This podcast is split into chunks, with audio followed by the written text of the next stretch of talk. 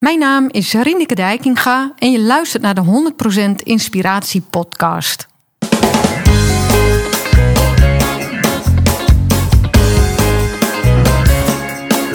Hey, wat goed dat je luistert. Hij staat weer voor je klaar. Je wekelijkse dosis inspiratie is weer daar. De allerleukste gasten geven al hun kennis prijs. Met je veel te blije host, hij praat je bij. Zijn naam is Thijs. Thijs,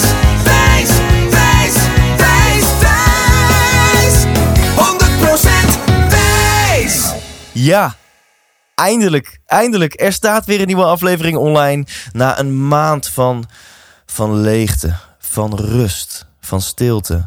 Hier op de 100% Inspiratie Podcast staat er nu gewoon weer een kerstverse aflevering voor je klaar. En vanaf nu gewoon weer elke week. Dus ehm, ja, ik hoop dat je er klaar voor bent. Ik hoop ook dat je een hele toffe vakantie hebt gehad. Ik hoop dat je een hele fijne zomer hebt gehad. En ik heb eigenlijk maar één vraag aan je. En dat is, ben je erbij? Ben je erbij dit najaar? Heb jij al tickets besteld voor de 100% Inspiratieshow? Want dit is de allerlaatste tour die ik ga doen met deze show. I know, ik pink ook een traantje weg. Uh, dus wil je deze show nog een keer zien? Check dan thijslindhout.nl voor tickets. En ik kom gewoon naar jou toe. Het is een 12 provincie tour. Uh, de show in Zoetermeer, die is al helemaal uitverkocht. Voor de shows in Amstelveen en Doetinchem gaan nu de laatste kaarten in de verkoop. En ik sluit deze tour af in het Beatrix Theater in Utrecht. I know, het Beatrix Theater in Utrecht. Daarvoor zijn nog volop kaarten. En dat wordt één vet groot spektakel, kan ik je vertellen. Met uh, verrassingen, met special guests. Ook al heb je mijn show al gezien, dan kan ik je alsnog aanraden. Bestel tickets voor, uh, ja, voor de afsluiter, de knallende afsluiter van deze show. Op 10 februari in het Beatrix Theater in Utrecht. En check anders sowieso thijslindhout.nl voor alle tourdata en tickets. Ja, en heel kort voordat ik de gast ga introduceren, um, winacties. Check daarvoor mijn Instagram, want um, ik uh, ben je schuldig, verschuldigd om nog een hele hoop winnaars bekend te maken. Bijvoorbeeld de Purpose Planner van Glenn Verklei, uh, een jaarlidmaatschap van de Fit Girls Community, um, een gesigneerde Masha Planner van niemand minder dan Masha Vuktistova en een training, een goed gesprek met jezelf, plus drie coaching sessies ter waarde van 500 euro van Bob Offerijns. Uh, dus wil jij weten of jij een van de gelukkige winnaars bent, check dan eventjes mijn Instagram-account. En ik heet daar gewoon Thijs Lindhout, dus dat is lekker makkelijk. Oké, dan de nieuwe aflevering na de zomer is er eentje met Rieneke Dijkinga. En Rieneke heeft meer dan 190.000 boeken verkocht over voeding en gezondheid. Ze is oprichter van meerdere bedrijven, waaronder Puur Rieneke, waarmee zij leverancier is aan, uh, aan 400 natuurwinkels. En in dit interview gaan we het onder andere hebben over hoe jouw hormonen alles bepalend zijn. Van je libido tot uh, of je je depressief of gelukkig voelt, tot hoe fit je wakker wordt. Ja, en hoe beïnvloed je dan je hormonen? Ja, dat doe je met je lifestyle, met um, de hoeveelheid stress die je ervaart, met wat je eet, met of je een ritme hebt of niet. En Rieneke legt een hele mooie link tussen iets waar ik het altijd over heb, namelijk connectie met jezelf en de natuur en een gezonde levensstijl. Um, check ook thijslintert.nl slash Rieneke voor een toffe winactie. En uh, een grote eer dat zij hier is. Hier is Rieneke Dijkinga. 100% wijs! Welkom uh, Rieneke. Fijn dat je je onwijze forense tocht hebt doorstaan om hier te komen. Ja, was wel de wereld uit. Ja, want, want waar kom je vandaan? Uh, boven in Groningen aan de Duitse grens. Ah, boven in Groningen aan de Duitse grens, ja. dus dat is wel... Nou, dan, boven. Ja. Uh, een, een, beetje zuidelijk in Groningen, maar wel helemaal aan de Duitse grens. Ja, ja. ja dus dat is een uurtje of twee rijden. Iets meer, ja. Ik, iets meer. Nou, ik, ik, ben vereerd. Kijk. Hoop ik dat ik je voor de spits naar huis uh, kan sturen. en um, ik heb heel veel vragen aan je, maar dat komt vanzelf allemaal. We beginnen bij het begin. Wat wil je worden als je later groot bent? Nou, de kans dat ik nog groot word, die heb ik opgegeven. Bij mij is het uh, gestopt bij 1,58 meter. Ja. En toen heb ik dus ook, denk ik, al heel vroeg in mijn leven bedacht... van nou ja, dit is mijn maximale grootte. Dan ga ik vast worden wat ik worden wil. En uh, ja, volgens mij is dat helemaal gelukt. Dus ik wil zo graag dit blijven doen. Um, tot, ja, zolang ik leef. En uh, wat ik nu doe, is echt mijn passie. En dat is bezig zijn met voeding... En de gezondheid van mensen. En de relatie van voeding en de gezondheid van de planeet. En, en hoe moeten we jou eigenlijk noemen? Uh, hormoonexpert of uh, de voedingsdeskundige? Succesvol ondernemer? Hoe, hoe zie jij jezelf? Nou, weet je, iedere week uh, zie ik in interviews dat mensen weer andere uh, titels of namen aan me geven. Ja. En de laatste vond ik eigenlijk wel, wel leuk bedacht. Voor de, de, die was door de Dutch Food Week uh, bedacht. En die zeiden van ze is auteur, ze is voedingsdeskundige en groendoener. Ja, die vond Kijk, ik wel leuk. Groendoener. Ja, Ja. ik doe graag. Ja. Ja, ja, op die manier. Ja, je bent. En, maar dat doet wel een beetje onder aan wat je natuurlijk allemaal eh, eh, doet en hebt gedaan. Groendoener, dat, iedereen kan zichzelf natuurlijk groendoener noemen. Mm, ja, dat, dat begrijp ik dat je dat zegt. Maar uh, ik ben, denk ik, echt wel van het doen. En uh, wat, ik heb, wat ik heb gedaan, wat ik, wat ik uh, aan bedrijven nu heb, dat heeft allemaal te maken met dat ik denk van. Of het zijn dingen waar ik me zorgen over maak. En denk van, nou ja, er wordt maar vergaderd en er worden maar plannen gemaakt en er wordt maar dit. Maar wanneer gaan we nou iets doen? Ja. Dus daar ligt een heel groot deel van mijn, uh, ja, van mijn werkzame leven. En in het feit, nou ja, wat heel vaak gezegd wordt over ondernemerschap. Heel vaak mensen die denken van, ja, kan dit nou niet anders? Ja. En nou ja, daar is een heel groot deel van, van mijn werkzame leven op gebaseerd. Dat ik denk, kan dat nou niet anders? Ja, dat kan anders. Ja. En als niemand het doet, doe ik het. Dus het is eigenlijk vanuit een gezonde passie of frustratie. Dat, nee, dat frustratie vind ik, dat, dat vind ik een heel lastig woord. Ja. Want het is voor mij geen frustratie. Het is meer dat ik denk van. Ja, maar weet je, we kunnen toch om vier uur wel een kopje kan en klare soep nemen. Waar je wel fit en vitaal van wordt. Of we kunnen toch wel een muesli uh, of een muesli-reep maken waar niet heel veel suikers in zit. En die en voor de planeet en voor je eigen gezondheid en voor je eigen darmen gezond is. Dus het is misschien meer dat ik denk van, zal het echt niet anders kunnen? En dan ga ik dat uitproberen. En dan denk ik, ja, het kan wel echt anders. En bestaat dat inmiddels? Een kopje soep en een muesli-reep voor vier uur... waar we en de aarde en jezelf en je darmen beter van wordt? Uh, de, de, de muesli-reep nog niet. Daar ben ik heel druk mee bezig. Om, die, uh, om die zo ver af te krijgen dat ik denk van ja, dit, dit is echt gewoon heel erg lekker en gezond en makkelijk te doen. Ja, Maar de soep, uh, de kant-en-klare soep waar je alleen nog een beetje water bij, uh, bij hoeft doen. En de muesli zonder suikers. Met langzame koolhydraten, die ook inderdaad gezond zijn voor de planeet, omdat we ze door de ingrediënten door boeren in onze omgeving laten verbouwen. Dat is, dat is wel gelukt. dat is gelukt. Ja. Dat, en en uh, om terug naar mijn vraag te gaan. Als je um, van jongs af aan eigenlijk al zo'n groendoener bent... hoe ben je dan in eerste instantie van je pad afgeraakt? Want je belandde in eerste instantie als accountmanager bij Randstad. Nou, dat, dat, dat, had eigenlijk ook best wel met dat hele groene te maken. Ja. Want ik was uh, buitenmens op en top. En ik was ook paardenmens op en top. En uh, nou ja, ik was echt zo'n typisch paardenmeisje. Alles voor haar paard. En toen zeiden mijn ouders, nadat ik van het VWO afkwam... van joh, wat wil jij eigenlijk? Wil je gaan studeren? Um, of wil je gaan werken en zodat je je paard kunt houden? Nou, dat vond ik, vond ik zo dat ik denk van nee, natuurlijk ga ik werken en ga ik mijn paard houden. En toen ben ik gaan werken. En, en toen kwam eigenlijk binnen een jaar nadat ik aan het werk was, kwam Randstad uh, op de stoep en die zei van joh, wil je niet voor ons gaan werken? Dus het, het was eigenlijk vanwege mijn paard dat ik daar uh, terecht ben gekomen, omdat ik dacht van dan houd ik mijn paard en dan ga ik niet studeren, ga ik gewoon werken. En Randstad zat niet zomaar op de stoep, toch? Um, nee, nou ja, die kende mij vanuit het bedrijf waar ik op dat moment een jaar uh, werkte. Daar, daar deed Randstad zaken en die zeiden van joh, volgens mij pas je precies bij ons.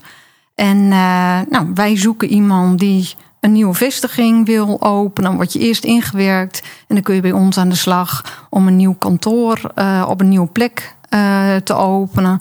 En dat leek me eigenlijk wel heel erg leuk. En dat heb ik gedaan. En toen werd ik van intercedent, werd, werd ik uh, unit intercedent. En toen werd ik vestigingsmanager. En toen werd ik accountmanager. En nou ja, de sky was the limit. Ja. was een hele leuke baan waar ik heel veel heb geleerd. Alleen het was gewoon niet mijn, mijn omgeving en niet mijn, ja, niet mijn baan. Ja, of en- niet mijn baan, niet En, mijn en, en hoe, ding. hoe- ja, hoe, hoe kwam je daarachter? Want dit zou best wel eens kunnen resoneren bij mensen. En anders kennen we allemaal wel iemand in onze omgeving waarvan je denkt, nou, die zit ook niet helemaal lekker op de juiste plek. Dus hoe, hoe kwam jij daarachter en, en, en wat heb je toen gedaan? Nou, weet je, ik, eh, weet je, ik denk dat ik in die zin best een cliché verhaal heb. Want eh, zolang je in de, in de, in de adrenaline zit en, en in de overlevingsmodus, omdat nou ja, elke dag is het weer the sky is the limit. Eh, merk jij er niet zo heel veel van dat jij misschien niet helemaal op de goede plek bent, zit. Je Ja. zit in die trein en zolang die trein blijft rijden, rijd jij gewoon mee. Ja. Alleen toen gingen wij eh, voor het eerst bij Randstad hadden we een training. En daar zou een, een, nou, een, een wat spiritueler eh, tintje aangegeven worden. En dat was een training met een geleide meditatie. En dat, was, ja, dat werd heel goed gedaan. Je werd helemaal meegenomen in die meditatie. Maar dat ging erover. Wat had jij eigenlijk bedacht als heel klein kind? Hoe jouw leven eruit zou zien op deze leeftijd? En ik was toen begin dertig. En toen ben ik zo verschrikkelijk in huilen uitgebarsten. En toen dacht ik, mijn hele leven lijkt niet op wat ik ooit voor mezelf bedacht had. Want ik had voor mezelf bedacht, ik zou dierenarts worden of boswachter. Nou, daar stond het allemaal heel ver bij vandaan, heel ver weg van de natuur. Toen ben ik na die training naar huis gereden. Ik, ik was eigenlijk best overstuur. Ik wilde de volgende ochtend uit bed. En mijn benen, die weigerden dienst. Ik kon gewoon geen millimeter meer lopen. Nou, toen had ik op zich iets heel simpels. Een flinke hernia. Dus niks aan het handje zou je zeggen.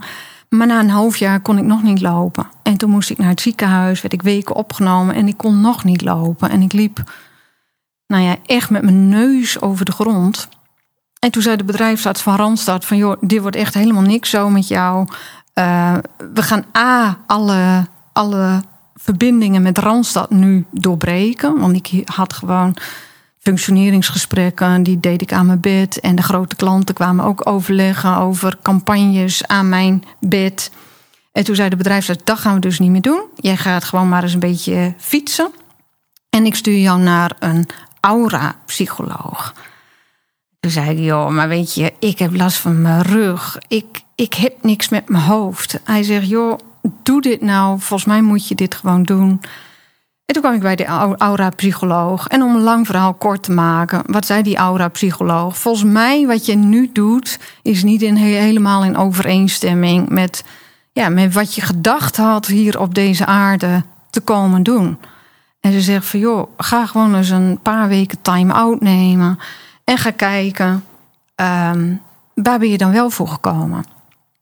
Nou, en ik weet nog, de bedrijfsarts sneed toen alle, alle, alle connecties met Randstad door. Ik kon niet lopen, ik kon niet zitten. Ik denk, dan ga ik maar fietsen. Hele dagen fietsen. En ik weet nog de eerste dag dat ik uh, ergens langs een natuurgebied reed. En dat ik denk van, joh, weet je, ik weet bijna niet meer hoe een paardenbloem eruit ziet. Waar ben ik in vredesnaam? Hoe kan ik zo van mijn pad afgedwaald zijn? Maar goed, ik ging toen uiteindelijk naar een natuurgeneeskundig therapeut. En die zei tegen mij van, joh, uh, bla bla bla. Uh, jij hebt last van je rug. Maar weet je dat in jouw geval en in heel veel gevallen... rugklachten eigenlijk darmklachten zijn... En jij hebt zo verschrikkelijk veel stress gehad. Jij bent zo non-stop doorgegaan. Jij hebt zo roofbouw op jezelf ge gepleegd, ook met, met voeding. Wij gaan jouw hele darm weer repareren. En ik ga wat behandelingen bij jou doen. We gaan jou anders laten eten. En denk er eens over na ja, of dit echt jouw baan is. En toen was ik thuis. En toen dacht ik, maar wat hij doet, het is niet helemaal dierenarts, maar ik bedoel, het heeft wel een link met wat ik ooit wilde. En het heeft een hele duidelijke link met de natuur. Want ik kreeg allerlei kruiden, preparaten en voedingsmiddelen. Ja. En toen dacht ik, dat is wat ik wil. Ik, ik wil zo'n opleiding doen. Terug naar de natuur, maar wel met mensen, wel mensen helpen. En toen heb ik hem opgebeld en gezegd van, joh, zou wel een hele domme vraag zijn. Maar denk je dat ik met mijn vooropleiding eh, dezelfde opleiding zou kunnen doen als jij? En toen zei hij, ja, dat denk ik wel. Dan zou je die en die opleiding in Bloemendaal kunnen doen. En zo belandde ik op de Hogeschool voor Natuurgeneeskunde in Bloemendaal. Heb ik eh, vijf en een half jaar eh, gedaan, mijn diploma gehaald, praktijk gestart. En Ja. toen leer- leerde je eh, meer over onder andere wat jouw darmen te maken hebben met bijvoorbeeld een hernia. Ja. Kun je daar eens wat over vertellen? Want Ehm, het kan best zijn dat luisteraars of rugklachten hebben of gewoon nieuwsgierig zijn zoals ik van huh, leg dat eens even uit. Hoe heeft dat met elkaar te maken? Nou ja, op, op heel veel eh, vlakken heeft het met elkaar te maken. Maar ik, ik zal gewoon twee hele simpele dingetjes noemen. Ja? Eh, jouw darmen die hangen eigenlijk in een soort, soort ehm, eh, slijmvlies. En dat slijmvlies is verbonden aan jouw rugwervels. En op het moment, en dat zie je natuurlijk bij heel veel mensen, zeggen ook heel veel mensen van joh, naarmate de dag vordert, dan krijg ik eigenlijk steeds meer een opgeblazen buik. Dan lijkt het soms bijna alsof ik zwanger ben aan het eind van de dag.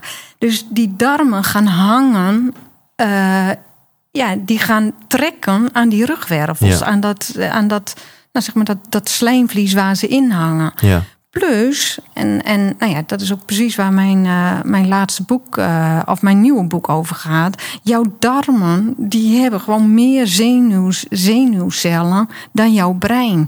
In jouw darm zit gewoon een compleet functioneel zenuwstelsel. Daarom noemen ze het ook je tweede brein. Ja. En alles wat er, wat er gebeurt, ehm, alles wat er binnenkomt, of dat nou op het gebied van stress is of op het gebied van voeding, ja, dat heeft zijn weerslag op jouw, ja, op het zenuwstelsel in die darmen. En het punt wil gewoon dat, nou ja, weet je, aan eten hebben wij natuurlijk geen gebrek, maar ehm, vulling voor jouw maag, dat wil niet betekenen dat het voeding voor je darmen is. En als jij gezond wilt gaan, en dat, dat de oude geneesheren natuurlijk ook altijd gezegd. Ziekte zetelt in de darm. Nou ja, als ziekte daar zetelt, dan zetelt gezondheid daar dus ook. Dat is dan het hele mooie. En die gezondheid heeft heel veel te maken met die anderhalve kilo darmbacteriën die daar in een hele grote diversiteit horen te wonen. Nou en daar kom je denk ik direct een beetje op het, op het hele grote probleem met onze hedendaagse voeding. Heel veel is vulling en geen voeding. En nou ja, een, een eh, Amerikaanse schrijver die, die, die zei ook eigenlijk, en dat vind ik wel een leuke uitspraak, dat, nou ja, dat het eten van nu, dat, dat, dat, dat, dat je dat een beetje moet vergelijken. Dat je bij de, bij de praxis bijvoorbeeld op zoek zou gaan naar de ingrediënten voor een drie gangen maaltijd. Met andere woorden, het eten wat wij echt nodig hebben voor onze darmbacteriën, ja, dat eten we gewoon veel te weinig. Ja, en, en je zei anderhalf kilo aan darmbacteriën en die Ja. moeten er in grote variëteit. Heel veel variatie. En, en weet je, dat is ook weer het bijzondere aan, aan alle wetenschap van nu. Dat, dat we daar steeds meer van weten. Maar daar horen het liefst wel een paar duizend verschillende bacteriën te zitten. Maar al die verschillende bacteriën, die eten verschillende dingen. Zo heb je een bacterie die het heel goed eh, doet op fruit... en eentje op groenten en eentje op noten... en eentje op zeewier en eentje op... weet je, verzin maar iets. Voor elk voedingsmiddel Ja. een andere, eh, andere bacteriegroep. En wij eten eigenlijk vier voedingsmiddelen... die, die 75% van ons eten beslaan. En dat betekent dat we gewoon vier grote stammen bacteriën eigenlijk overvoeren... Mhm. maar een paar duizend laten verhongeren. Want welke vier zijn dat? Eh, wij eten heel veel mais en wij eten heel veel tarwe en wij eten, eten heel veel soja en melk. En dat zijn eigenlijk de vier hoofdgroepen waar ons eten uit bestaat. Ook al denk jij, ja, maar ik eet eigenlijk helemaal nooit soja. Ja, mais zou ik denken. Nou, volgens mij eet ik vrij weinig mais. Maar jij gaat me nu vertellen. producten. Kijk, ik dacht al, jij gaat me nu vertellen waar mais allemaal in zit. Nou ja, weet je, ons, ons hoofdbestanddeel mais, dat zit natuurlijk in glucose, fructose. En ehm, ik weet niet of jij wel eens etiketten leest, maar je, je zult zelden nog op een etiket zien eh, dat het gezoet is met suiker. Omdat glucose, fructose uit maïs, nou ja, dat is en zoeter en veel goedkoper. Mm. Uh, dus weet je, wij eten gewoon alleen al in die vorm heel veel maïs. Nou, ik weet niet of jij vlees eet, maar op het moment dat jij uh, vlees eet, uh, wat, niet, ja, wat, wat niet losgelopen heeft en gras heeft gegeten, eet jij indirect maïs en soja Ja. en graan. Jij bent ook wat jouw eten Ja. eet. Ja. En, en dat betekent dat we heel veel van onze darmbacteriën eigenlijk laten verhongeren. Terwijl als we één troef in handen hebben om onze totale gezondheid in goede banen te leiden, dan is dat wel via die darmbacteriën. Ja, want je, je darmen zeg je, daar nestelt zich ziekte, dus ook gezondheid. Ja. Dan ben ik heel nieuwsgierig. ja, Hoe communiceer je met je darmen? En jij zegt niet alleen door wat je eet, maar ook door je stress. Hè? Dus dat zenuwstelsel van je darmen is gevoelig voor wat er binnenkomt aan voeding en wat er binnenkomt aan stresshormoon. Ehm, nou, jij jij hebt vier boeken geschreven, vijf is onderweg. De zesde is De onderweg. zesde is onderweg. Ehm, en, en het boek eh, wat in 2015 uitkwam, dat heet Alles draait om je hormonen. Ja, En eh, wat is dan ook de link? Want je zei net in de voorbespreking, ja, dat is, ook, dat is een, een makkelijk statement, want alles draait ook echt om je hormonen. Alles begint bij je hormonen. ja. Wat is dan de link tussen, tussen jou, jouw darmen en je hormonen? Ehm, ja, dat, dat, ja, ik wou zeggen, heb je even, maar we hebben, Ja, ik heb even. we, we Ja. hebben een uurtje, geloof ik. Hè? Eh, nou ja, weet je, allereerst eh, hormonen, alles draait om je hormonen. Je hele gezondheid heeft iets met hormonen te maken. Of dat nou gaat, of je maagzuur aanmaakt om je eten te verteren, of je darmperistaltiek, of hoe jij s'nachts slaapt, of hoe je eh, qua geslachtshormonen in je vel steekt. Eh, hoe je testosterongehalte is, hoe je, hoe je oestrogeen en progesterongehalte is. Er is geen enkel, ehm, geen enkel iets wat, wat gezondheid of ziekte betreft waar hormonen geen rol spelen. En hormonen die zijn gewoon gebaat bij opti een optimale voedingsstatus. En een optimale voedingsstatus, dat betekent gewoon heel simpel. Er moet werkelijk alles, alles aanwezig zijn op het gebied van vitamines, mineralen, sporenelementen, gezonde vetten, eh, langzame koolhydraten, heel veel beschermende stoffen.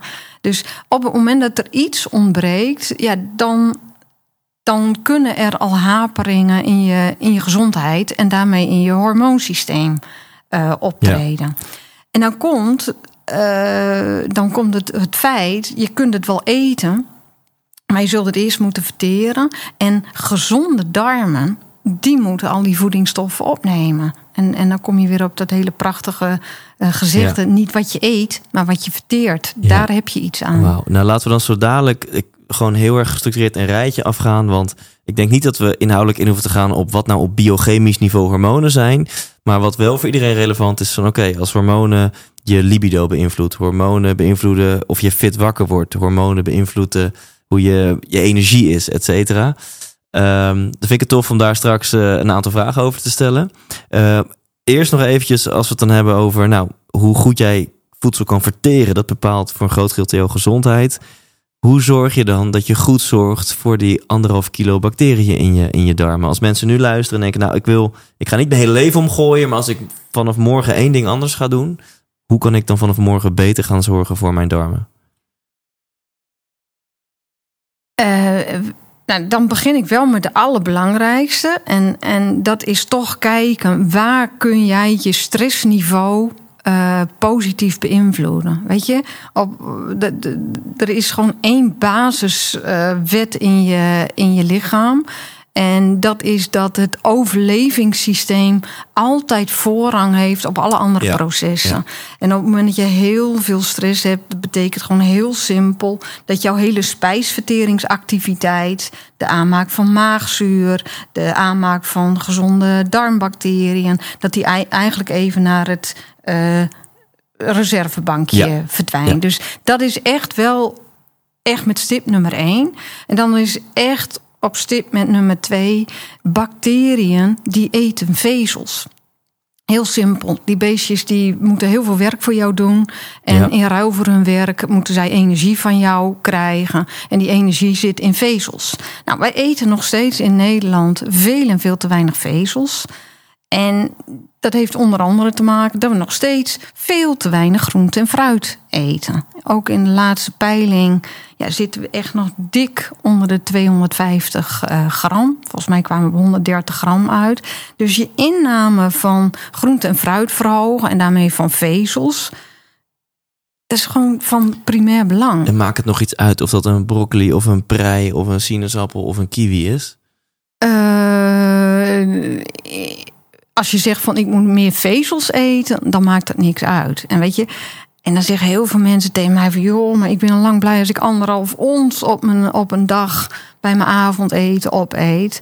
En dan denk ik altijd, weet je, maar het is zo leuk om mensen ideeën te geven om gewoon overal vezels in te verwerken van fruit. Zo heb ik een, hele leuke ontbijtmuffin, die maak ik van havermuesli, maar daar gaan een hele vracht worteltjes in. Hm. Of eh, het is nu weer pompoenentijd. Je kan een heerlijke brownie maken zonder tarwe of zonder tarwebloem, maar als basis pompoen. Gewoon pompoen blenderen en daar een brownie van maken. Weet je, er zijn zoveel hele simpele trucs dat jij je darmen meer vezels kunt geven. En ook alle bloem, alles wat van bloem gemaakt is. Nou, dat is inmiddels best heel veel. Als je dat nou gewoon eens vervangt door een volkoren variant, heb je ook al heel veel meer vezels. En mag ik ook nog een nummer drie noemen? Hebben we de Vooruit. top Dus, drie dus voor mensen, darmen? nummer één, eh, minder stress. Eh, wellicht helpt dan jouw tip om eh, een pitstop te nemen. helpt dan, daar kun je misschien straks nog wat over vertellen.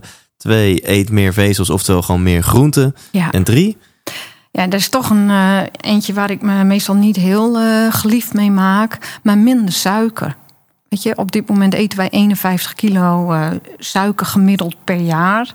En dat zit natuurlijk in heel veel voedingsmiddelen waar wij het niet van verwachten.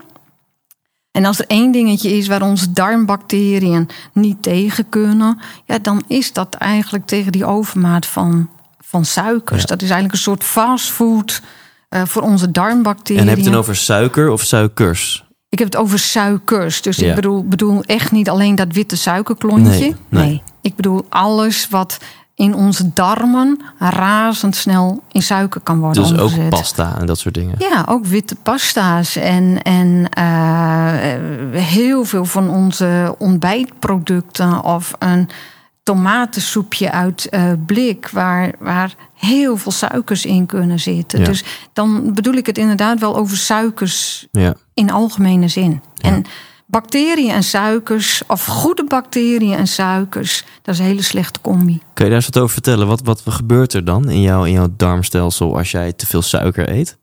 Eh, nou, wat we uit, uit onderzoeken weten, is dat er een soort ontstekingsreactie in die darm eh, ontstaat. Die st- ontstaat überhaupt trouwens hoor, minimaal op bij alles wat je eet. Omdat gewoon heel simpel jouw immuunsysteem in die darm even dat eten moet, eh, moet checken of het Ja. oké is. Ja. Maar na suikers ontstaat er een best heftige eh, ontstekingsreactie in vergelijking met ander voedsel. En die ontstekingsreactie die zorgt er via een aantal wegen voor dat jouw goede darmbacteriën eh, het loodje leggen. En in die darm is het eigenlijk een soort stoelendans. Als goede verdwijnen, krijg je de verkeerde voor terug. En daar, ja, daar wordt niemand echt gezonder Ja. van. Mensen willen natuurlijk wel altijd resultaat voelen. Mhm. Dus stel je zou nu beginnen met drastisch minderen met suikers en meerdere met vezels, met groenten. Op welke termijn zou je dat al moeten merken in je fitheid en je energielevel? Dat is een hele leuke vraag. Want eh, wat ik ook in altijd erbij zeg, wat ik ook in al mijn boeken schrijf, afkicken van suikers is natuurlijk de allermoeilijkste.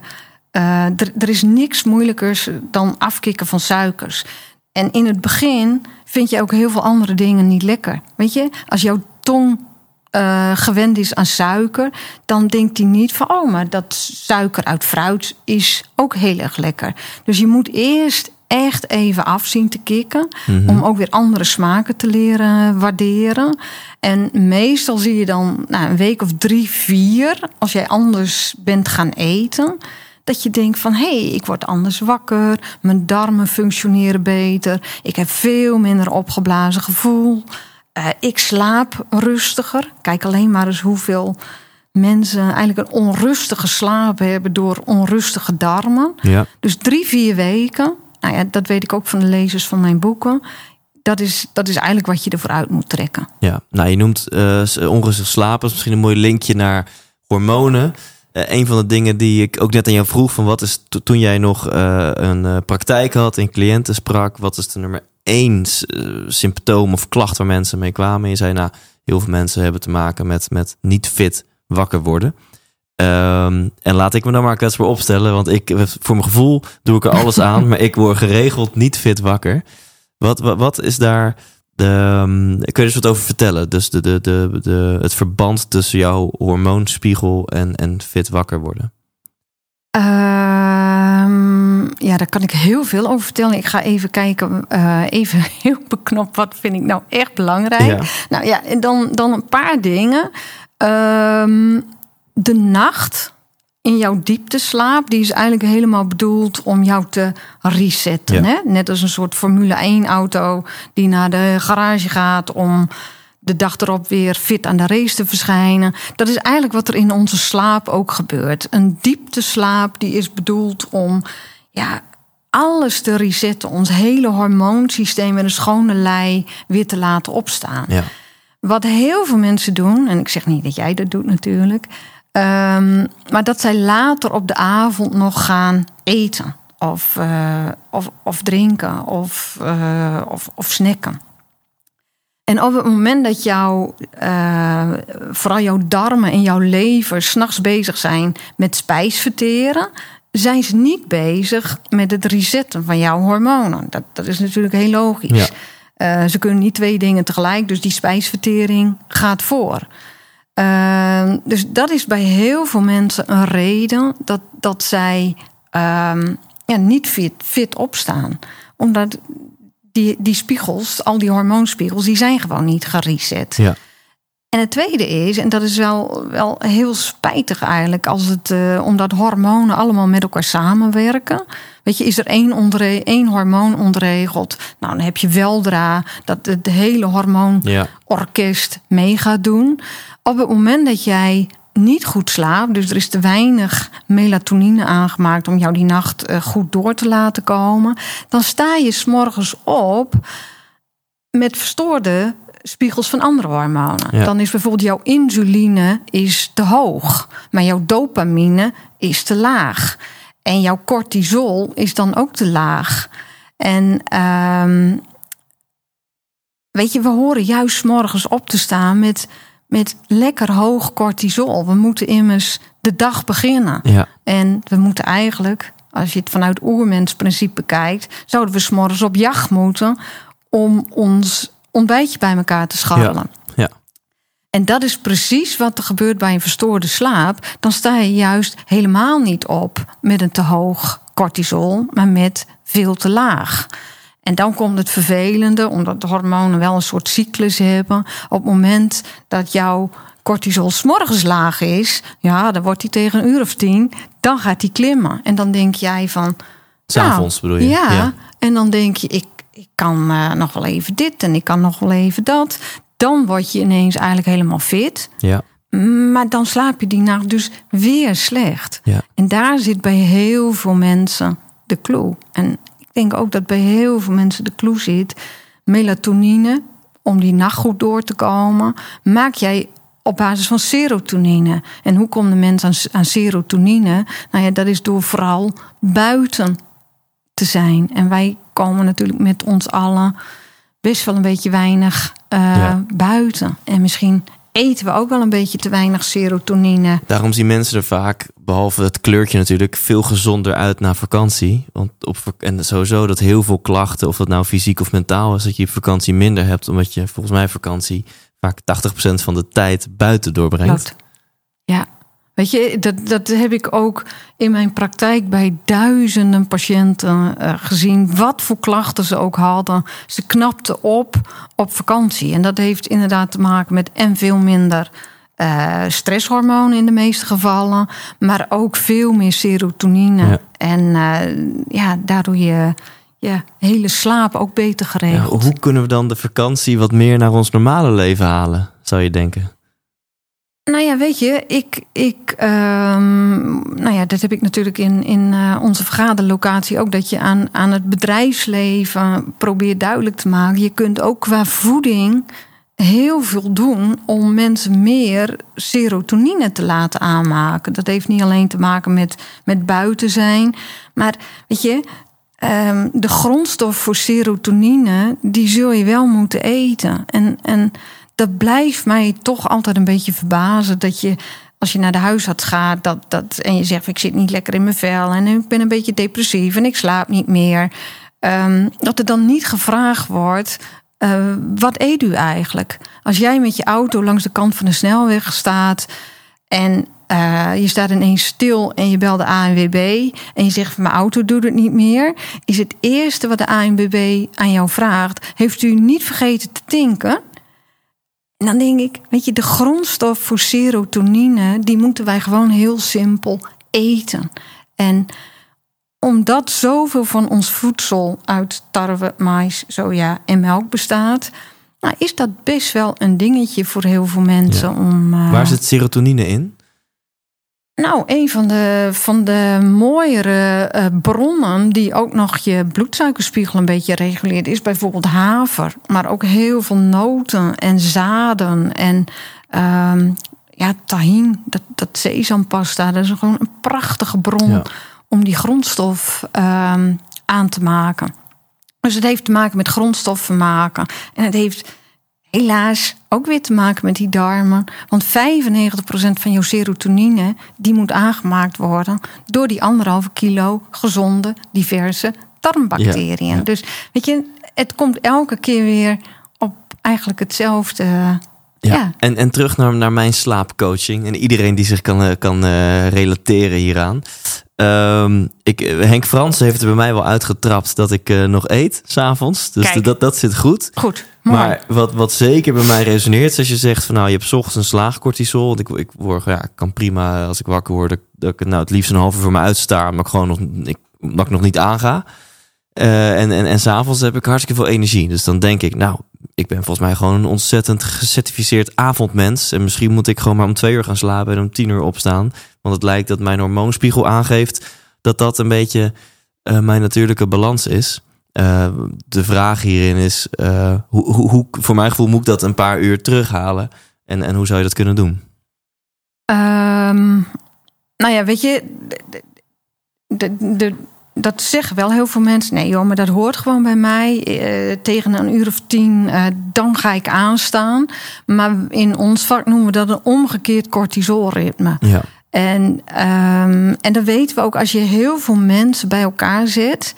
Zonder, uh, zonder licht, uh, je zet ze gewoon terug in de natuur. Dan heeft binnen een maand heeft iedereen weer het oude ritme van s morgens heel vroeg uh, wakker worden en s'avonds met de kippen op stok. Dus kennelijk is dat wel echt ons natuurlijke ritme. En dat is ook het ritme waar onze hormonen bij gedijen. Ja.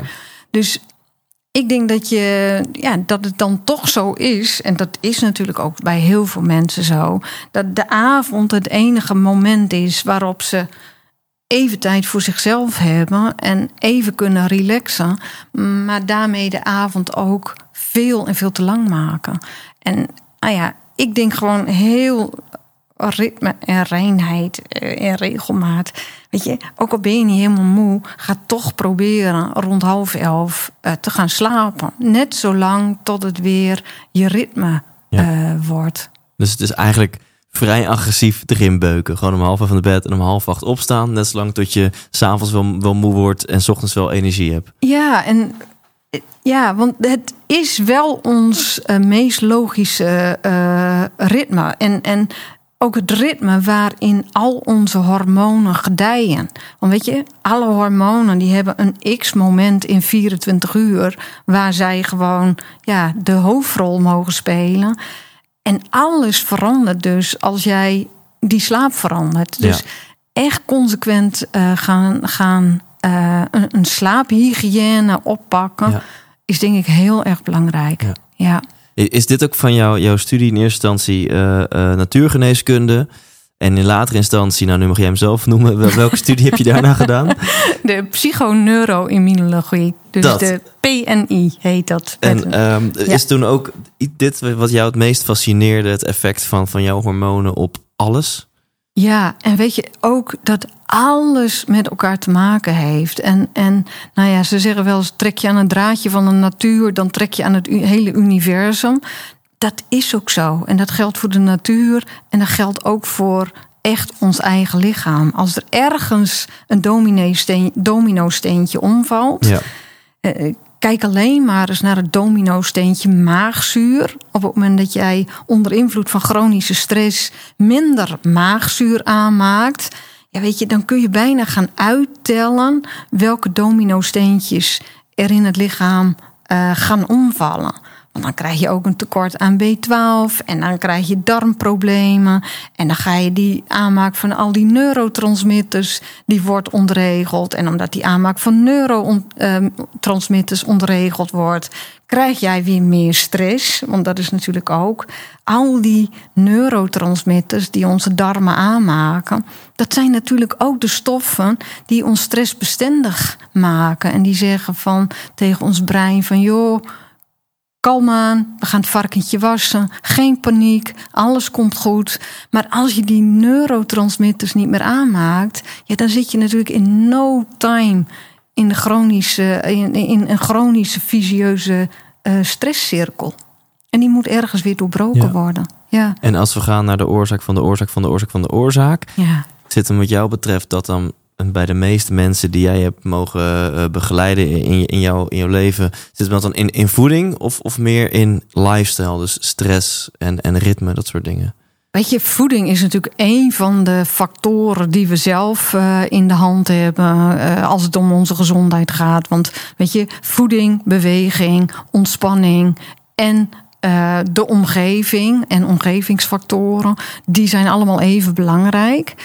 Het punt is alleen wel, op het moment dat er ergens iets fout gaat, stel op het gebied van stress, eh, dan verandert er acuut iets in onze eh, energieverdeling. Dan, dan gaat de dirigent in ons hoofd die over de energieverdeling gaat, die gaat energie verdelen. En die zegt, we gaan wel overleven, maar we gaan even geen energie naar spijsvertering sturen. Ja. En ook niet naar slaap. Ja. En ook niet naar leuke stofjes. Ja. En ook niet naar geslachtshormonen. Dus Precies. er verandert inderdaad acuut iets. En omdat dat verandert, gaan we ook nog eens anders eten. Weet je, als jij te weinig dopamine hebt, dan ga je niet denken van nou, nou ga ik vandaag toch eens even gezond voor mezelf zorgen.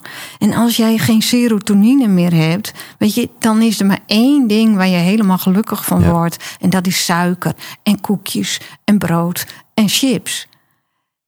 Weet je, dat is ook een beetje, wij worden ook door die hormonale veranderingen, worden we ook een beetje een slaaf van ons eigen voedingspatroon. En omdat we daar slaaf van worden, gaan we weer verder, schieten we verder in de stress. En dat is wel sneu. Ja, eh, Ja. dit is een hele nare negatieve spiraal. Dat als je ook je, je duurzame geluksgevoel wat kwijt bent in je leven, wat ook een hormonale kwestie is natuurlijk, dan word je vaak wat gevoeliger voor korte termijn genot. Ja, Want je wil je even weer wat beter voelen. klopt. Nou, die vind je als je even Instagram opent of wat dan ook. Ja. Maar die vind je ook als je even die zak chips opentrekt of Klopt. even dat biertje pakt. Klopt. Niets En- menselijks is Ja. ons vreemd. Alleen daar zit het hele grote eh, probleem. Omdat ons brein denkt van doe me nog maar even dat zakje chips. Ja. Want daar voelde ik me echt een paar minuten beter op. Ja, ik kon even mijn problemen vergeten of ik kon even genieten. Precies. En daar zit, zit natuurlijk de hele grote visieuze cirkel. Ja. Dat, dat ons, nou ja, ze noemen dat ons reptiele brein, ons overlevingsbrein. Weet je, ons overlevingsbrein die denkt nu. Ik, ik denk aan nu en ik denk niet aan hoe jij morgen opstaat. Ja. Als dat beetje brak is, dan heb je pech gehad. Maar ik ga nu Ja. ga ik die suikers Ja. eh, eten. En ons mensenbrein die aan bod komt als alles lekker rustig is. En we zijn helemaal in balans. En we hebben eh, weinig stress. En we doen de dingen waar we ons goed bij voelen. Dan is ons mensenbrein aan bod. En die zegt van, we gaan er vandaag een gezonde dag van maken. We Ja. gaan investeren in sociale contacten. In gezond eten. In lekker naar buiten. Et cetera. Ik, vind het, ik, ik heb uiteraard vaker over hè, de, de mensenbreinen versus reptielbreinen zo gehoord. Maar ik heb nog nooit op deze manier gehoord. Dat je, je zegt, zodra je stress hebt, overrult je reptielbrein. Ja. Maar als je, En dat is maar goed ook, hè? Want dat is ons overlevingsinstinct. ja, dat je wel wegrent als er een vrachtwagen aankomt. Precies. Maar, maar en jij zegt, zodra je ontspannen bent, dan kan je mensbrein gaan regeren. Ja, en, die is heel rationeel. Want die, die denkt bijvoorbeeld ook na... ik wil eigenlijk wel gezond 85 worden. Ja, En wij weten natuurlijk best, met ons allen, best heel goed... van welke dingen hebben we dan zelf in de hand... qua voeding en leefstijl Ja. en ontspanning... Maar dat hele mensbrein die komt niet aan bod als dat reptiele brein eh, de dag regeert. ja. En als ik jou, ik ga jou een heel irritant dilemma geven. En misschien ga je wel zeggen, dat klopt niet, want het heeft met elkaar te maken. Maar stel je mensbrein zegt, hey, ik wil heel gezond en vitaal, wil ik 105 worden. Ehm, dus, en, je, en je hebt twee mensen. En de ene die heeft heel veel stress, maar die heeft een 100% eh, door jou samengesteld, Rieneke Dijkstra. eh, eh, Dijkinga. sorry, Dijkinga. Dat is een hele, Rieneke Dijkinga, 100% eh, eh, dieet. Eh, maar wel veel stress. De ander is super ontspannen, maar gaat elke dag naar de McDonald's. Welke van deze twee mensen leeft dan vitaler, denk je? Ehm, ik, ik denk die McDonald's eh, meneer. En die gaat ook wel allerlei kla- klachten krijgen. Omdat, nou ja, dat is nou eenmaal niet zo heel gezond voor je darmbacteriën, et cetera. En voor je totale gezondheid. En, maar onder invloed van stress gaan wij gewoon heel simpel, wordt onze hele spijsvertering eigenlijk naar het reservebankje geparkeerd. En dan kun je nog zo mooi biologisch eten, maar dat wordt niet verteerd. En de kans dat die ontspannen meneer bij de McDonald's dat eten wel verteert, ja, die, die is gewoon groter. Ook, Ja. al, ook al verliest hij daarmee heel veel eh, gezonde voedingsstoffen. Ja. En, ja, en dat weten we natuurlijk ook uit die blauwe zones. Hè? Wat, wat is nou in die blauwe zones waar zo, zo'n groot deel van de mensen zonder wandelstokje, zonder kunstgebiedje, zonder gehoorapparaatje, waarom worden die eh, gezond 100? Dat heeft en te maken met voeding, maar dat heeft heel veel te maken ook met ontspanning, Ja. met een levensdoel, met hele goede sociale contacten, eh, gezellig samen eh, tafelen. Dus weet je, voeding is echt een van de compo- componenten en niet meer dan dat. Ja, Maar wel ja. een belangrijke. Ook omdat we de aarde daar, ja, met onze eigen voedselkeuzes natuurlijk zo gezond mogelijk Ja. kunnen houden. En, en voordat we het nog eh, ook gaan hebben over de stappen die jij als ondernemer hebt gezet en, je, eh, en jouw boeken en zo, want ik vind het ook een fantastisch verhaal. Wat zou wat jou betreft de manier kunnen zijn om meer te ontspannen in het leven? Nou, daar heb ik eigenlijk wel een heel leuk eh, idee op, op voor. Ja? En ik, dat, dat- ik heb ook zoiets van. nou, je gaat helemaal stralen. Ik ben heel benieuwd. Ja, ja. Nou ja, weet je, voordat eh, ik, ik denk dat ik ben, eh, ik ben nu 56. Ik hoop dat ik net als mijn moeder op mijn 85ste nog hartstikke fit en vitaal ben en dat ik nog steeds mijn werk doe. En wat ik de laatste jaren eigenlijk steeds meer doe, dat, dat doen wij zelfs, dat, dat, dat doen we ook bij de vergaderaars die bij ons eh, komen. Ga nou gewoon eens weer veel meer voeding uit de natuur halen. Weet je, ga een paar meter van je, van je, van je, van je hoe heet het? Je stoepstenen. Ga Ja. die weghalen. Ga er een paar plantjes in poten. Ga gewoon een paar kruiden erin zetten. Ga eens in dit seizoen wat bessen plukken. Ga naar een pluktuin. Dus wat mij betreft is een van de mooiste dingen ook om weer te ontspannen. En dat hoor je ook van heel veel mensen. Gewoon weer een beetje met je eten bezig zijn. Gewoon een beetje weer je eten gaan verzamelen. Niet one-stop shopping bij de supermarkt. Maar ga eens naar een lokale boer en ga kijken waar het eten vandaan komt. Eh, ga iets in de natuur verzamelen. Ga wat kruiden verzamelen. Ik denk dat dat echt een hele mooie manier is om, om te ontspannen. En daar weten we natuurlijk over. Er kan geen pilletje tegenop. Er is geen snellere manier om stresshormonen kwijt te raken dan 20 tot 30 minuten in de natuur zijn. En hoef je niet te jokken of, of wat dan ook. Gewoon in de natuur zijn. Bam. Er is Ja. geen snellere manier om Nee. van stresshormonen af te komen dan Nee. 20 tot 30 Nee. minuten in de natuur zijn. Er bestaan geen Ja. voedingsmiddelen, geen pilletjes, geen poedertjes, geen. En daar is Ja. best veel onderzoek En e- even gedaan. voor de Amsterdammers onder ons: natuur is niet ergens drie bomen op een rij langs een weg. Eh, maar natuur is wel iets meer dan dat. Ja, maar toevallig ben ik best vaak in Amsterdam. En eh, voor een lezing of wat dan ook. En het verbaast mij altijd hoe je gewoon binnen vijf minuten gewoon zo'n stad uit bent. En dan toch echt mooi buiten bent. Ja. Dus ik denk dat die natuur toch voor iedereen Absoluut. best dichtbij kan zijn. Ja. ja, ja. ja. Heerlijk. En dan heb je een ultieme combi van ontspanning. ja. En je bent ook nog eens bezig met de connectie met de natuur. En je bent ook nog eens bezig met iets heel gezonds op je bord krijgen. Als je iets gaat plukken of in je eigen moestuintje gaat pielen. Of naar een boer toe rijdt om daar wat te halen. Klopt. En, en weet je, ik, ik denk dat dat. En ik hoop ook dat dat weer gewoon een beetje de toekomst wordt. Weet je, dat wij weer verbinding krijgen met, met ons eten. Waar komt ons eten vandaan? En Ja. eh, gewoon, ja, dat zie je bij ons ook heel veel in, in de herfst. Ehm, dan zie je hele groepen mensen uit het Oostblok. die komen van alles verzamelen. Maar je ziet nooit een Nederlander daartussen. En dan denk ik. Wat een gemiste kans eigenlijk. Hè? Dat we gewoon zulke mooie bessen en bramen en paddenstoelen en dergelijke. die gewoon voor, eigenlijk voor iedereen wel binnen handbereik zouden kunnen zijn. Ehm, ja, dat we daar niks meer mee doen. Ja. Ja. En dat kunnen hele simpele dingen zijn. Nou, en, en deze passie kon jij in, in 2010, 2011 zo erg niet stoppen dat je dacht: er moet een boek komen genaamd Weten van Heerlijk Eten, waarbij de H tussen haakjes staat. En waarom ik dit linkje leg, is ik vind het ook een heel mooi verhaal hoe jij dacht: ja, dit, je had dus die twee studies gedaan, eh, natuurgeneeskunde en die studie met die moeilijke naam. en je dacht, mensen moeten dit weten. Dat is volgens mij ook jouw visie, dat, dat, dat, dat gezond zorgen voor de aardbol en gezond zorgen voor jezelf, dat dat samen gaat. Ja, dat die verbinding er zo. Ja. En toen stonden is. uitgevers in de rij en die zeiden, Ja, de een die naar de ander. van nou die- Rieneke, dit is fantastisch wat jij gaat doen. Precies. Oh jongen, wat werd ik daardoor gestreeld. Dat iedereen zei, Rineke, mag ik alsjeblieft jouw boek uitgeven? Nee, maar niet is- heus. Nee, precies. Want dit is een iedereen- sarcastische toon van ons Ja. beiden, want hoe ging dat?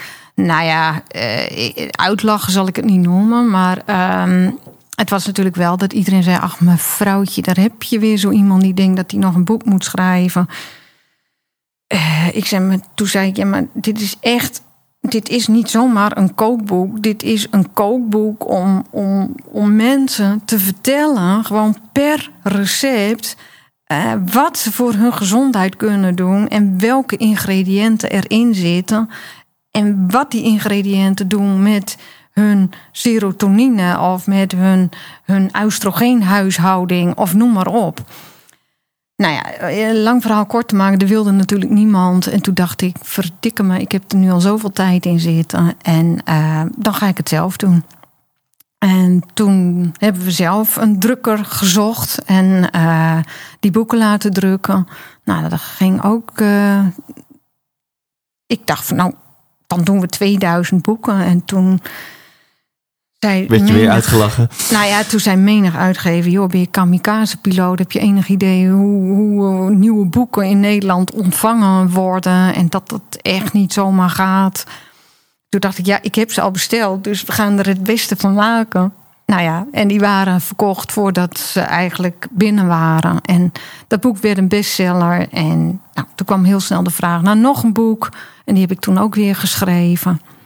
En eh, nou ja, zo kwam van Zo, het een ja, het en- ander. En, en ja. dat eer- eerste boek, ehm, uiteindelijk zijn daar 90.000 exemplaren van verkocht. Ja, zo, ja, zoiets. Ik bedoel, in totaal zijn er iets van 180.000 boeken verkocht. En ik weet niet meer precies per titel eh, hoeveel van. Ongekend. En wat dan wel helpt, als je het zelf uitgeeft, dan hou je er zelf iets meer aan over.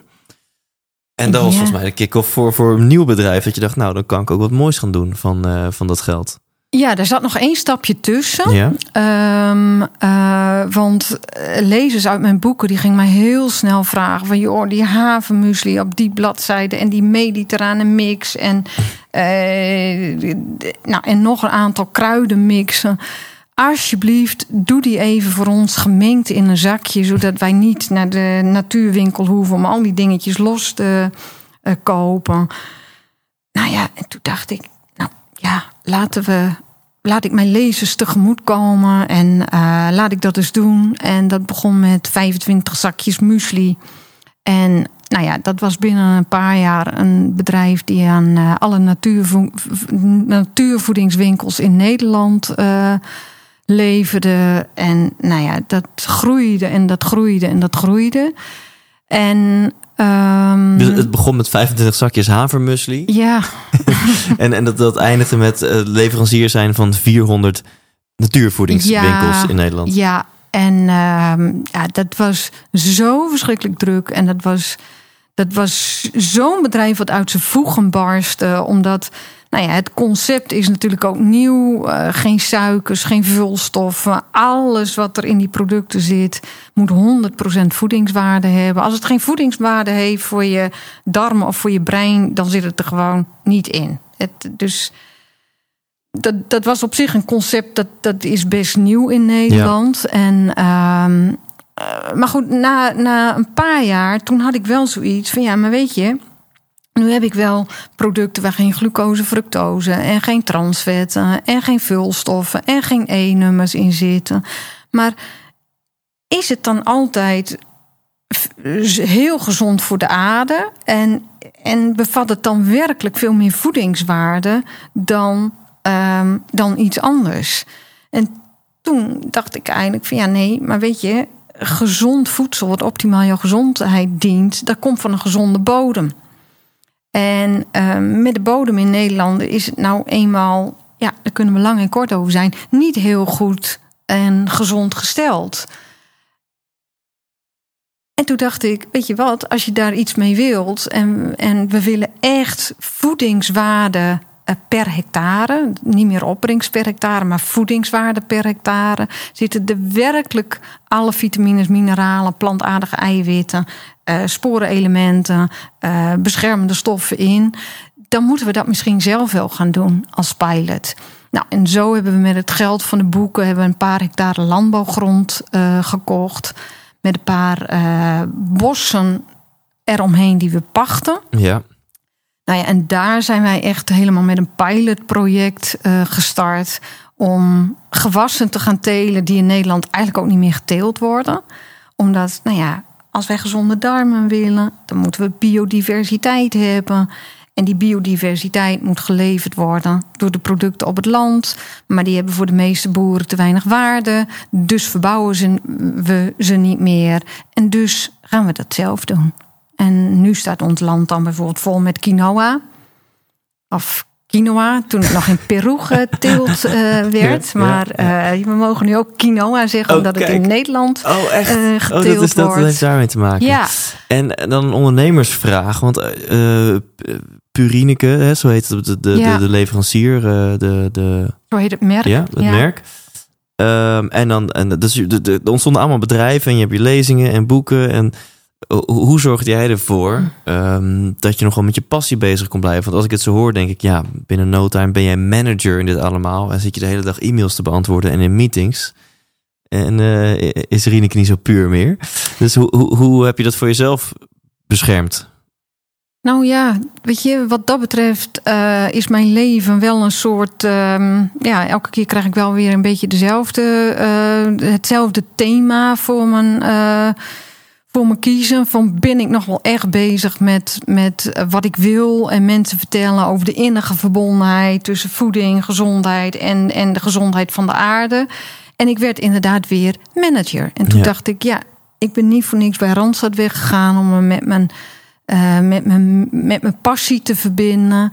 En daar heb ik heel lang over gedaan. En ik vond het. En ik vind het nog steeds het, een van de allermoeilijkste besluiten. Maar ik heb het bedrijf verkocht. En ehm, eh, nou ja, op, op het moment dat ik dit zeg, denk ik van ja, ik word er nog steeds een beetje emotioneel van. Want het voelt zo als mijn kind. En zo waar ik, waar ik voor sta. Echt eten met echte voedingswaarde. En 100% voedingswaarde. En verder niks. Maar ik heb toch besloten, het kind kan beter door iemand anders opgevoed worden. Want ik ben niet de juiste uh, moeder. Ik moet mij weer echt gaan bezighouden met, met waar ik voor sta. Dus ik heb het bedrijf sinds 1 januari verkocht. En ik ben nu eigenlijk alleen nog de. Of alleen nog. Is nog steeds een hele leuke baan. Maar ik ben de productontwikkelaar van het. Uh, de Willy Wortel. De Willy Wortel. Ja. ja. Heel mooi. Ja. ja. en dat is zo leuk. Ja, en, en wat zijn uh, nu uh, plannen van jou? Waar, waar besteed je het liefst jouw, jouw tijd en energie in? En wat kunnen we van jou verwachten de komende tijd? Nou, weet je, um, de, quinoa die wordt over uh, een dikke week uh, geoogst. En daarna, wordt ons land opgedeeld in hele kleine stroken. En wij zijn samen met Wageningen Universiteit en Van Hal Larenstein... Uh, wordt ons land ingezet voor een agroforestry project... En dat betekent dat we eigenlijk weer gaan boeren op de manier van vroeger. En vroeger had je hele smalle akkertjes en daar werd een gewas op uh, verbouwd. En dan kreeg je een houtwal. Uh, met bomen, met struiken, met fruitbomen, met, met notenbomen. Mm -hmm. En dan kreeg je weer een akkertje. En dan kreeg je weer een houtwal. En dan kreeg je weer een akkertje. En op onze, op onze paar hectare land wordt, wordt volgend jaar een, een, een enorme diversiteit aan gewassen verbouwd. Dus um, door die biodiversiteit ga je de bodem weer uh, verbeteren. Krijg je weer gezondere uh, voedingsmiddelen. Door al die houtwallen ga je weer insecten en vlinders en vogels aantrekken. En kun je zonder. Mm. Uh, bestrijdingsmiddelen, logischerwijs uh, boeren. We gaan allemaal gewassen telen die uit de roulatie zijn of niet meer interessant. Of uh, ja, voor een boer in ieder geval, ze worden niet meer verbouwd. En, en uh, dan kun je denken, volgend jaar gaan we bijvoorbeeld hennep voor hennepzaad en hennepolie doen. We gaan een nieuw gewas naakte gerst doen. naakte haver hadden we al, dus nu wordt het naakte gerst. Ja. Uh, we gaan een hele speciale uh, boom doen. Daartussen allerlei mediterrane geneeskrachtige kruiden. En ja, op zo'n manier gaan kijken, kunnen we gewoon ook weer een beetje een lokale economie creëren. Een uh, heel groot deel van het eten wat we daar verbouwen, kunnen we aan onze vergaderaars uh, bij Puur Westerwolde geven. Ja, ja, want je hebt onder ook nog een vergaderlocatie opgericht. Ja, dat is dus ook weer zoiets. Omdat ik dacht, kan dat nou niet anders? Als, ik, ik bedoel, ik geef zoveel trainingen buiten de deur over vitaliteit en over gezonde hormonen. En dan krijg je toch, ja, met alle respect, heel vaak een lunch. Waarvan ik denk, nou, daar worden mijn hormonen in ieder geval niet heel happy van. Ik word er ook niet vitaal en, en, en fit van.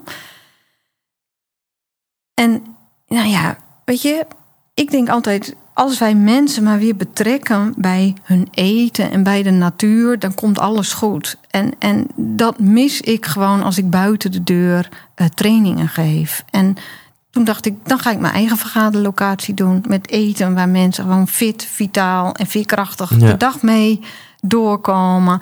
En we nemen ze mee naar buiten om ook het verhaal over voedsel en en onze gezondheid te vertellen. En deze vergaderlocatie is ook te huren? Of ja, dat verhuren wij. En, ik gebruik het voor mijn, al mijn eigen trainingen. En verder verhuren we het aan, uh, aan bedrijven. En waar bevindt deze locatie zich? Nou, in mijn eigen woonplaats. ook in Westerwolde, in Schellingen. Ja, heerlijk. Ja. En dan komt er ook nog eens een zevende boek. Uh, even denken, even de tel kwijt. Nee, het wordt mijn zesde boek. Zesde boek, ja, zesde boek. Waar ik wel twee delen van geschreven okay, trouwens. Okay, dus het wordt uiteindelijk zeven, ja. Ja, dus, maar weet je, alles hangt bij mij met alles. Uh, alles hangt, hangt samen aan elkaar. En, en producten ontwikkelen voor Purineke of met ons land gewassen bedenken waar de gezondheid van de mens weer mee gediend wordt. En de gezondheid van de boeren en de gezondheid van de planeet. Uh, dat, dat hoort er ook bij. En dat gezonde eten weer aan het bedrijfsleven uh, laten proeven en weer het verhaal erbij doen. Misschien zeggen bedrijven wel van joh, ik wil topfitte medewerkers. Ik ga mijn hele kantine duurzaam en lokaal inrichten. Nou ja, dan maken we natuurlijk meters. Als Ja. we dat soort dingen gaan doen. Ja, te Ja. gek. Ja, Nou, je, je hebt mij elk geval geïnteresseerd gemaakt eh, daarin. Ehm, ik vind het heel mooi ook, ook hoe je telkens de link legt tussen de, de gezondheid van de aarde en de gezondheid van de mens.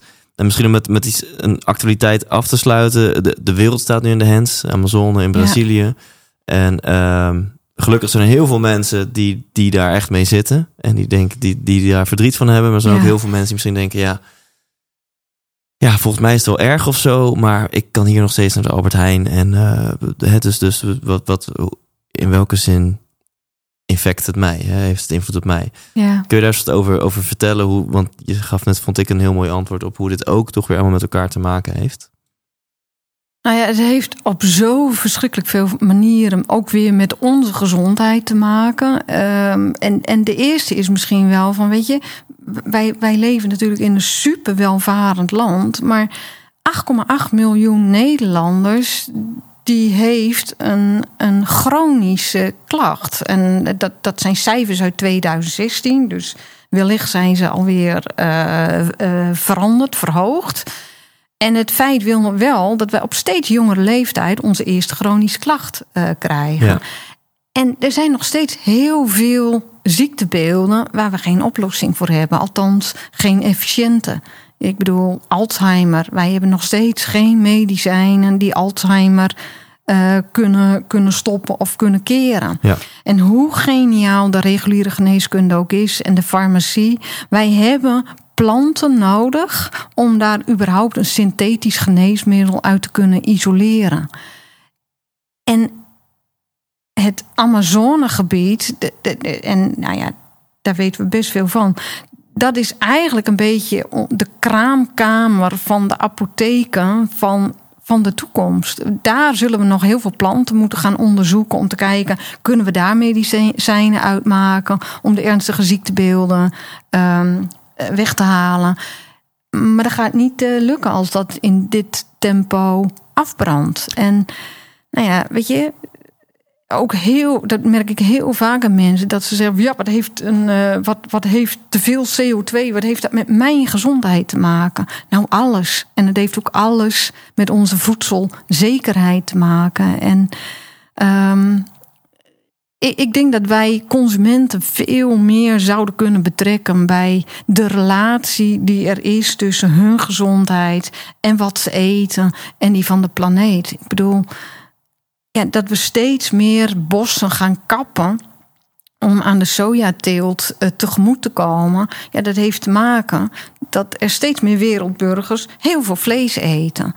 En ik, ik denk ook altijd, weet je, dat, dat is ook denk ik. Dat wat- die sojaproducten worden gekweekt om als voeding te geven aan de veeteelt. Ja, ja.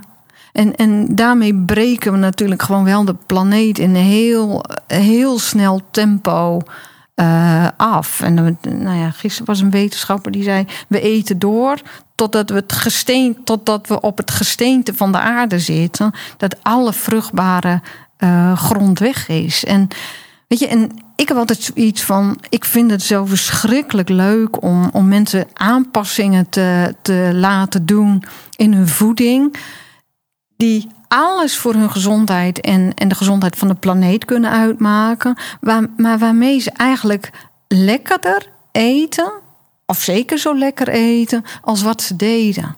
En zo heb ik nu bijvoorbeeld zo'n hybride burger eh, bedacht. Ja. Echt heel erg leuk. Ja, met ja. eh, ehm, 40% vlees van, van een loslopende koe. Dus dat heeft alweer een heel ander effect op, eh, Mhm. op, op CO2 dan een, een koe in een stal. En 60% lokale groentes en lokale paddenstoelen. Wat briljant. En die heb ik zo gemaakt dat die het eiwitgehalte heeft van een biefstuk. En het mondgevoel van, van echt een, een lekkere vleesburger. Maar er zit maar 40% vlees in. En weet je, als je dat aan mensen kunt vertellen en, je, en ze dat ook als alternatief eh, biedt, dan zie je ook dat heel veel mensen denken van, oh, ja, ja. Ja, ik denk nu, waar kan ik die hamburger kopen? Ah, je moet hem nu nog even zelf maken. Oh. Maar hij is heel gemakkelijk te maken. Hij is in de making. Ja, Oké, oké, ja. heel tof. Ja, En ja, we hebben echt. We, we, we zouden deze podcast uren, uren, uren kunnen laten duren. Want we hebben volgens mij een paar dingetjes aangestipt waar we het over kunnen hebben. Eh, dus wie, wie weet komt er een, een versie 2 ooit. Eh, maar als mensen dus meer, meer willen, kunnen we ze dan het beste doorverwijzen naar jouw website waar al je boeken te koop zijn? Ehm, nou, weet je, ik ben niet zo dat ik denk van ja, mijn kennis die krijg je alleen maar als je mijn boek koopt. Eh, mijn website die is, die is echt zeer goed gevuld met echt ongelooflijk veel informatie over. Eh, wat kun je nou doen bij welke klacht en hoe kun je starten met gezonder eten? Er staan de wereld aan recepten op. Eh, bij elk recept staat precies wat het voor je gezondheid eh, doet. Dus op mijn website staat ook echt al heel erg veel. En die website is www.rinekedijkinga.nl rienekedijkinga.nl. Dat moet te vinden zijn. En voor mensen zoals ik, die denken... ja, maar ik hou van gemak en ik kan niet erg van koken. Eh, jij gaat ook de, de concurrentie aan met de diepvriespizza... want jij hebt een hele hoop recepten daar staan... die super gezond zijn en binnen een kwartier op tafel staan. Ja, dat is wat ik eigenlijk in elke lezing zeg. Laat je niet foppen met leeg voedsel als je, als je, eh, als je in tijden van stress zit. In een kwartier heb jij iets op tafel staan waar je je gezondheid optimaal mee dient. Het enige wat je dan heel vaak even moet doen, regeren is vooruitzien. Gewoon even zorgen dat je een aantal dingen op voorraad hebt. Ja, En that's it. ja. Mensen moeten gewoon naar rienekedijkinga.nl gaan. Heb je nog een slotboodschap... voordat we het interview gaan, gaan afronden? een slotboodschap voordat we het interview gaan afronden. Nou ja, weet je, ik, ik zou het zelf zo leuk vinden als wij gewoon weer de, de creatieve geest in onszelf, als het gaat om eten, weer een beetje tot leven wekken. En ehm, ga gewoon zelf die keuken weer in. En ontdek hoe vreselijk leuk het is en hoe ontspannen het ook kan zijn om gewoon weer voor jezelf eten te maken. En verzamel eventueel wat in de natuur. En dat klinkt misschien heel raar. Ik heb heel lang gedacht van, nou, dat is waarschijnlijk een tik van mij. Dat ik denk van, daar bloei ik helemaal van op. Van dat hamster spelen in, de, in, de, in het najaar. Gewoon verzamelen voordat de winter eraan komt. En ik hoor van alle mensen om me heen die dat doen. Dat ze zeggen van, wat is dit leuk. Weer een beetje op jacht Ja. naar je voedsel. En of je dat nou in de natuur doet, of je gaat op pad naar de boerderijwinkel, of je gaat. Nou, ik ben nu op het moment heel veel aardbeien aan het plukken in zo'n zelfpluktuin. Ik hoor bijna van alle mensen: wat is dat leuk en wat is dat ontspannen? En wat heb ik dan een eer van mijn, van mijn eten? Ja. Dus ik zou zeggen: probeer het uit. Ik, ik voel een hele hoop zelfs familieuitjes aankomen. Dat mensen met de kids gewoon dit, dit, dit gaan doen. Op nou, maar zaterdag, kids zondag. vinden dat ook Ja. heel erg leuk. Dat, Ja. dat is ook echt waar. Laat kinderen naar zo'n zelfpluktuin bramen, kersen, appels, weet ik veel wat plukken. En ze er dan zelf Ja. ook iets van laten maken. Dat vinden ze echt fantastisch. Onwijs bedankt, Rieneke. Box. Jij ook. Dankjewel. 100% wijs! Thanks, thanks, thanks, Rieneke en jij ook als luisteraar. Ik kon mijn enthousiasme in het interview niet onderdrukken door allerlei vragen op haar af te vuren. Daarom sprong we denk ik wat van hot naar her. Maar zit er een hele mooie boodschap in die hopelijk bij jou is aangekomen. En ben je enthousiast? Wil je direct meer inspiratie van Rieneke Dijkinga? Check dan thijslindhout.nl slash Rieneke. Rieneke is dus met I, dus R-I-N-E-K-E.